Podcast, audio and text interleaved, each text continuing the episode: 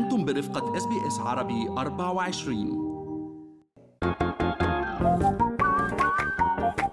شو في ما في من حول العالم بآخر فقرة من حلقة اليوم من Good Morning أستراليا فقرة المنوعات بشو رح نبدأ فارس؟ رح نبدأ الحقيقة بخبر له علاقة بجورج وسوف. بعرف قد إيه أبو وديع يعني يحظى بشعبية كثير كبيرة بين اللي عم بيسمعونا. تفاعلنا معه بشكل كثير كبير بآخر مأساة لما فقد نجله الأكبر وديع بعد ما تعرض لمضاعفات طبية ويعني للأسف بعد عملية جراحية أجراها. أبو وديع يبدو إنه الأمل يطل برأسه. بحياة أبو وديع ويستقبل حفيد جديدة بالعيلة. بالفعل شو حلو عن جد شو حلو. استقبل المطرب اللبناني جورج وصوف حفيدة جديدة بعائلته. أطلق عليها اسم آميا من نجله جونيور واللي ولدت يوم عيد الحب ب 14 فبراير. قد هيك بترسم ابتسامة صح. على وجوه العيلة وعلى وجوه وعلى وجه جورج وسوف كمان اللي عانى كتير أكيد مع فقدان نجله الأكبر. كان بيعتبره يعني مش بس ابن ابن وصديق ورفيق. يعني لطالما كان ملازم لوالده في كل مكان. جورج وسوف نشر صورة تجمعه بطفل أمية على إنستغرام وحكى يبقى في الحياة فسحات من الأمل. أمية وسوف وحط تاريخ ميلادها اللي انولدت بعيد الحب.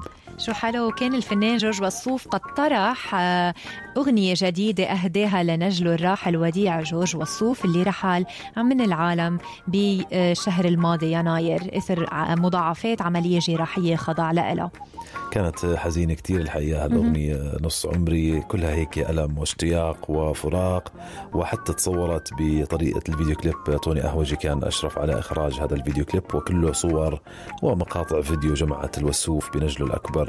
الراحل. كان بعد انتشار شائعات عن احتمالية اعتزال أبو وديع عاد بهالأغنية ورجع الأمل. هيك فسحات من الأمل تطل في حياته. نتمنى هيك الله يشفي قلبه يعني من هالحزن الكتير كبير بقول لك لا حزن يضاهي هذا الحزن. الواحد يفقد ابنه وابنه. طبعا للأسف. وين بتحبي نروح هلأ؟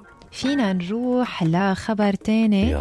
واللي هو شاب عمره 19 سنة تشخص أصغر إصابة بالألزهايمر بالتاريخ يا فقام أطباء الأعصاب بعيادة الذاكرة بالصين بتشخيص أول إصابة إنسان بيبلغ من العمر 19 سنة فارس بمرض الألزهايمر وهو بدأ يعاني من تدهور بالذاكرة من سنة من عمر ال 17 سنة. أول وتف... مرة بنسمع بهيك بالفعل شيء بخوف. وتفاقمت الخسارة المعرفية له على مر السنين. واو بالفعل خبر يعني مثير للاهتمام. تصوير دماغي لهالمريض أظهر انكماش عنده في الدماغ وتسرب السائل الدماغي النخاعي وهي من العلامات الشائعة على مرض الزهايمر يعني. ومن هون الدكاترة بلش يشكوا. صح لأنه بين العلماء إنه غالبا إنه بيقولوا مرض الألزهايمر هو مرض لكبار السن. ومع ذلك الحالات المبكرة واللي بتشمل المرضى اللي بتقل أعمارهم عن 65 بال 65 سنة صارت تقريبا 10% من جميع الحالات. يعني عم تزداد هيدي الحالة مع العمر. واو. خلينا متعودين ورح يضل في برنامجنا وقفات هيك من تركيا وسوريا. وقفات برضو فيها أمل. إنقاذ فتاة على قيد الحياة بعد مرور 10 أيام على وقوع الزلزال. شو حلو شو عنا بالتفاصيل؟ تمكنت فرق الإنقاذ من انتشال فتاة مراهقة بعد مرور 248 ساعة على وقوع الزلزال المدمر بتركيا الأسبوع الماضي. شو حلو هالخبر. إن شاء الله يلاقوا كمان أشخاص ناجين. منقذون سحبوا ألينا أولمز عمرها 17 سنة من تحت الأنقاض بكهرمان مرعش أو مراش وهي مدينة يعني جنوبية بتركيا.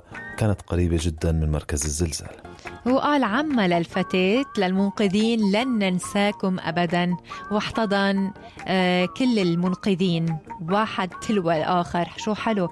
آه لقد بقيت ألينا المصابة بجروح بظروف طقس باردة للغاية على قيد الحياة لمدة عشرة أيام. يعني دايما فارس الأمل موجود صحيح. على أمل يلاقوا بعض أشخاص آه إن شاء الله. من هذا من تحت الركام. ولو إنه صار الاحتمالية هلأ كتير شبه صفر وين. عم نحكي؟ يعني معجزات هاي الأشخاص اللي عم بلاقوهم تحت الأنقاض بعدهم عايشين.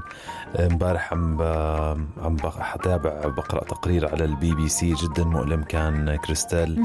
بقول لك عشرات الأطفال الرضع بالمستشفيات ما بيعرفوا أسمائهم لأنه عائلاتهم بأكملها قضت في هذا الزلزال.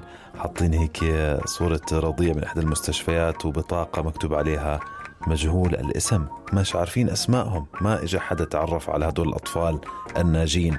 فوالله واقع مؤلم جدا نوعدكم دائما يكون عندنا وقفات من هناك لأنه الجرح واحد الحقيقة والألم واحد. بالفعل آه، الله يرحم كل اللي راحوا و...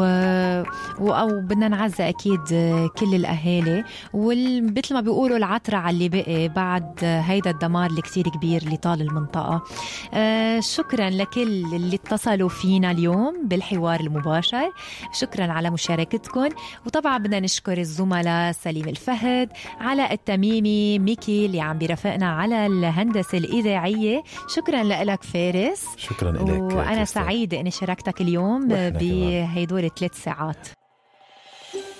هل تريدون الاستماع إلى المزيد من هذه القصص؟ استمعوا من خلال أبل بودكاست جوجل بودكاست سبوتيفاي أو من أينما تحصلون على البودكاست.